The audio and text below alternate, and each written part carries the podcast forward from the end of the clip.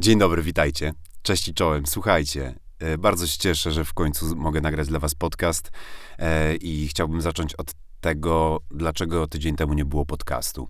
E, mianowicie było to tak, że tydzień temu był poniedziałek. Ha, odkrywę, odkrywcze, bardzo. W każdym razie wybierałem się w góry i nagrałem dla was odcinek, jedenasty, o tym, jak nie zostałem żołnierzem. E, tylko okazało się w ostatniej chwili, że skończyło mi się darmowe miejsce na SoundCloudzie, gdzie mam hosting na moich podcastów.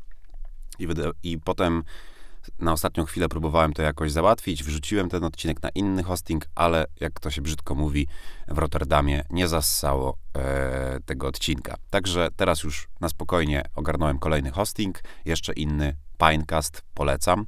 E, i myślę, że już będzie wszystko dobrze i stwierdziłem, że nagram ten odcinek jeszcze raz. No bo pomyślałem, że będzie to bardziej aktualne i troszkę się pozmieniało przez ten tydzień, e, ale mam nadzieję, że nie stęskniliście się za bardzo, bo był podwójny odcinek o tym, jak zostałem aktorem.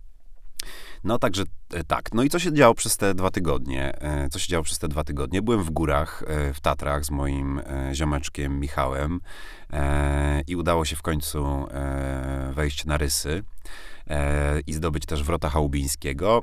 Z rysów się cieszę najbardziej, dlatego że już chyba to była moja trzecia próba podejścia E, pod rysy, e, na rysy i e, w końcu się udało, do trzech razy sztuka, bo wcześniej mi przeszkadzała pogoda. Za pierwszym razem padał deszcz, za drugim razem e, po prostu było za dużo śniegu, żeby wejść tam bez sprzętu. A ja jeszcze w rakach i z czekanem nie chodzę. Jeszcze, ale to wszystko w swoim czasie. Pogodę mieliśmy fantastyczną. Spaliśmy w schronisku nad Morskim Okiem. Ludzi jest mnóstwo, tak jakby COVID-u nie było. Jest to trochę przerażające. Aczkolwiek, e, aczkolwiek w momencie, kiedy wchodziliśmy na rysy, to zaczął padać deszcz, bo zapowiadali burzę i myślę, kurczę, znowu nie wejdziemy, znowu nie wejdziemy. I po 10 minutach przestał, wyszło słońce i dzięki temu na szczycie było dosłownie kilka osób. Także jeżeli ktoś kojarzy w ogóle zdjęcia ze szlaku na rysy, łańcuchy oblepione ludźmi, mijanki, niebezpieczeństwa, to tego nie było. Także fajnie odpocząłem, e, dałem sobie w nogi bardzo mocno z Michałem, także jak wróciłem do Lublina, to po schodach wchodziłem tyłem. I co jeszcze? Z zawodowych rzeczy y, mieliśmy robić taki spektakl Igraszki z Diabłem, klasyczny tekst teatru światowego Jana Drdy. Y, w takim e, teatrze w Puławach. To jest teatr przy Puławskim Ośrodku Kultury, Dom Chemika. E, jestem ja, właśnie tam, ja i ten mój kolega Michał, jeden śpiewak operowy, reszta to amatorzy.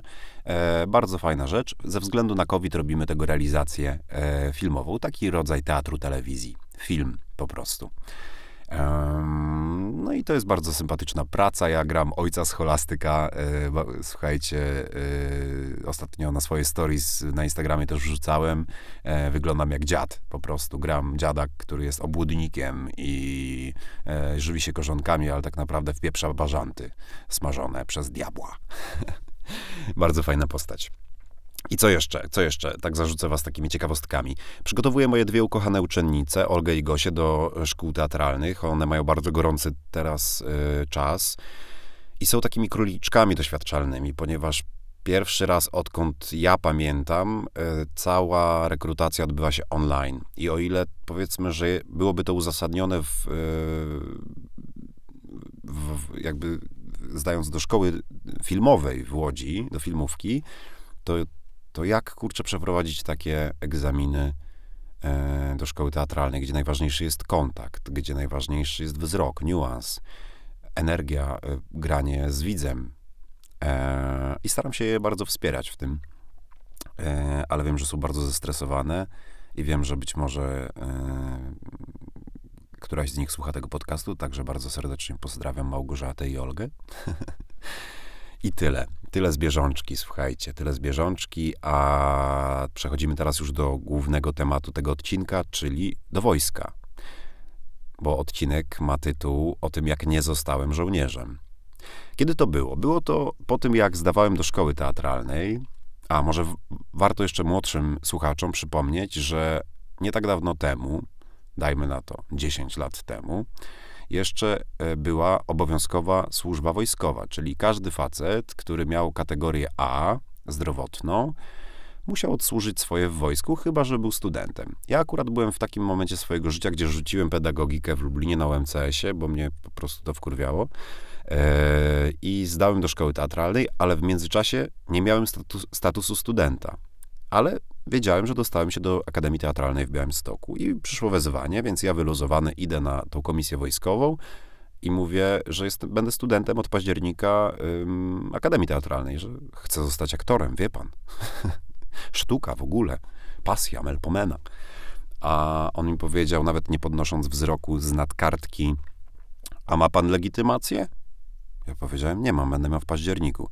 Nadal nie podniósł wzroku? To zgodnie z przepisami mogę pana wziąć do wojska. To jak, chce pan y, donieść badania lekarskie, czy widzimy się za dwa tygodnie na e, stacji PKP?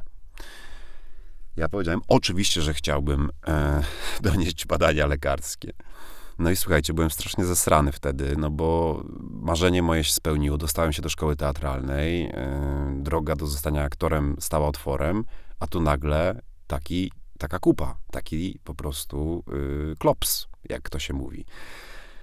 No więc y, poruch, uruchamiałem różne kontakty rodzinne, y, no i nie jest to dla mnie zbyt chlubna rzecz, ale zapłaciłem łapówkę.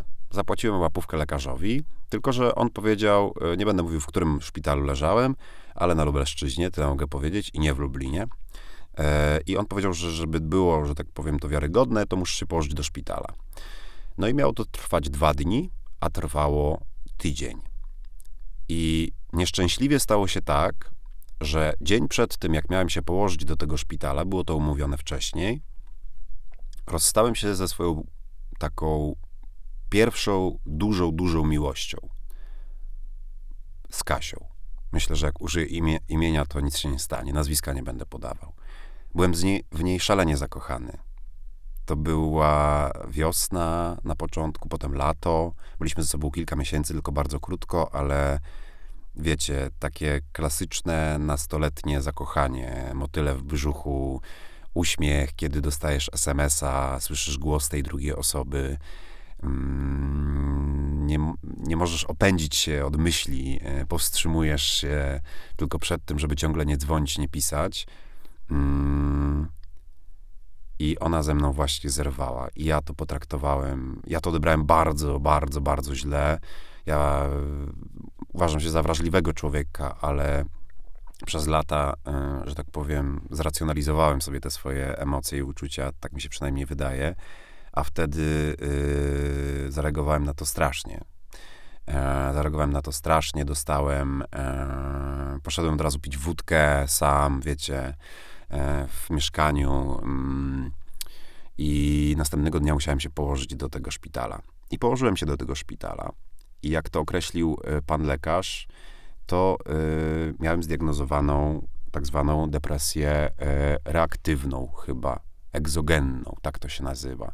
Czyli to nie jest depresja, jednostka chorobowa depresji występująca stale, tylko ze, ze, względu na afekt. Bardzo często taką depresję dostają osoby po właśnie silnym wstrząsie emocjonalnym, po odejściu, właśnie po rozstaniu młodzi ludzie.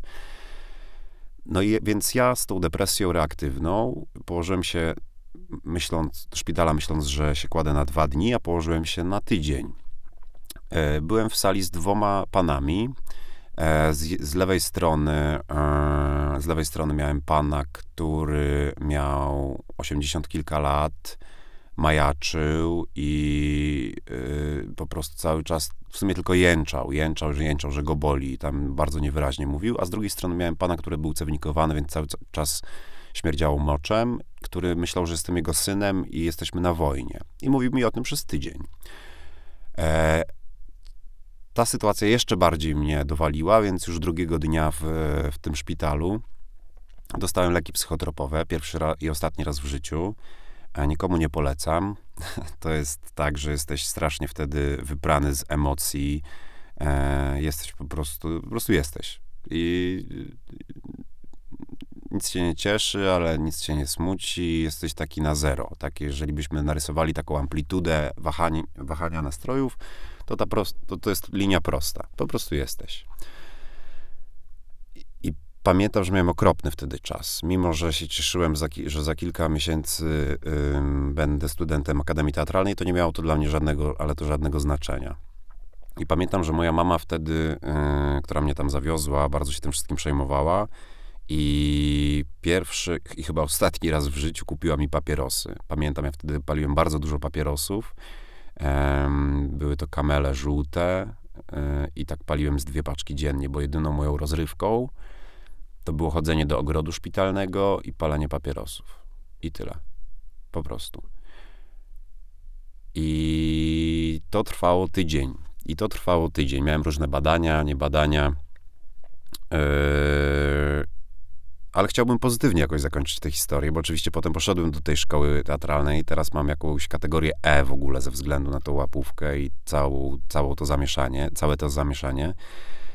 E, ale był na koniec, i dzień przed moim wypisem, bardzo pozytywny aspekt, bardzo pozytywna historia. Cały ten tydzień było zachmurzone niebo. I jak zwykle, to była sobota, poszedłem do ogrodu zapalić papierosa kolejnego. Paliłem tak co pół godziny, odliczałem minuty. E, I nagle wyszło słońce. I w momencie, kiedy pierwszy promyk e, padł na, moje, na moją twarz, na moje lico, dostałem SMS-a od mojej e, bardzo dobrej koleżanki, bardzo dobrej znajomej z teatru amatorskiego. Nazwijmy ją J, żeby było bez nazwisk. E, że co tam u mnie, że kurczę, w sumie mieliśmy się spotkać na kawę. No i zaczęliśmy pisać, i to był początek bardzo dobrej zmiany. E, po kilku miesiącach oświadczyłem się tej dziewczynie. Byliśmy narzeczeństwem. Ona się potem dostała do szkoły teatralnej w Krakowie. Ja byłem w Białymstoku, więc cała Polska. No i summa summarum, że tak powiem, nie zostaliśmy małżeństwem, ale do dzisiaj mam do J olbrzymi sentyment. Jest w tym momencie bardzo em, zdolną, świetną aktorką, pracującą na północy Polski. Do dzisiaj czasami rozmawiamy, chociaż bardzo rzadko. E, I J mnie w tak wyprowadziła z tej sytuacji, tak, wiecie, chciałem wam o tym opowiedzieć, no bo kurczę, nie chcę mówić w tym podcaście tylko o fajnych rzeczach, tylko o tych niefajnych, bo te niefajne też nas budują, robią nasz charakter, nasz światopogląd. E, Składamy się, przecież każdy sukces składa się z dziesięciu porażek, porażek albo więcej. I tak dalej, i tak dalej, i tak dalej. Więc ja chciałbym wam też życzyć e, absolutnie tego, że jak będziecie w takiej czarnej dupie, w takiej otchłani, gdzie wszystko wydaje wam się beznadziejne i chujowe po prostu, użyję tego wulgaryzmu specjalnie, to żeby ktoś dla was był takim promyczkiem. Albo coś, żeby było ty, tym promyczkiem. Bo ten promyczek zawsze jest. Tylko pytanie, czy chcecie go znaleźć, czy też nie. I na koniec Marcel Proust. O nie, nie. Niech pani nie mówi, zadyszy się pani. Może mi pani przecie odpowiedzieć gestem, ja zrozumiem. Naprawdę nie zrobię pani przykrości? Widzi pani, troszeczkę. Zdaje mi się, że to pyłki z kwiatów osypały się na panią. Pozwoli pani, żebym je otarł ręką? Czy nie za silnie? Czy nie jestem za brutalny? Łaskoczę może trochę. To dlatego, że nie chciałbym dotknąć sukni, aby jej nie zmiąć.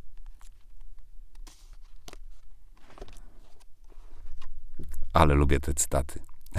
Mam nadzieję, że wy też. Kochani, słuchajcie, jeżeli ktoś z was słucha na Apple Podcast, bardzo będzie mi miło, jeżeli zostawicie mi tam ocenę e, jakąś, albo na przykład ocenę z komentarzem. Super. E, kolejna rzecz, możecie się śmiało do mnie odzywać na maila albo na moim Instagramie. Mój Instagram to poszukiwanie straconego czasu, a mój mail to poszukiwanie straconego czasu małpa gmail.com. Przyjmę wszystkie uwagi, pomysły, refleksje, feedback tak zwany. Będzie mi bardzo miło wejść z wami w interakcję. Także kłaniam się nisko, ściskam i szukajcie swojego promyczka.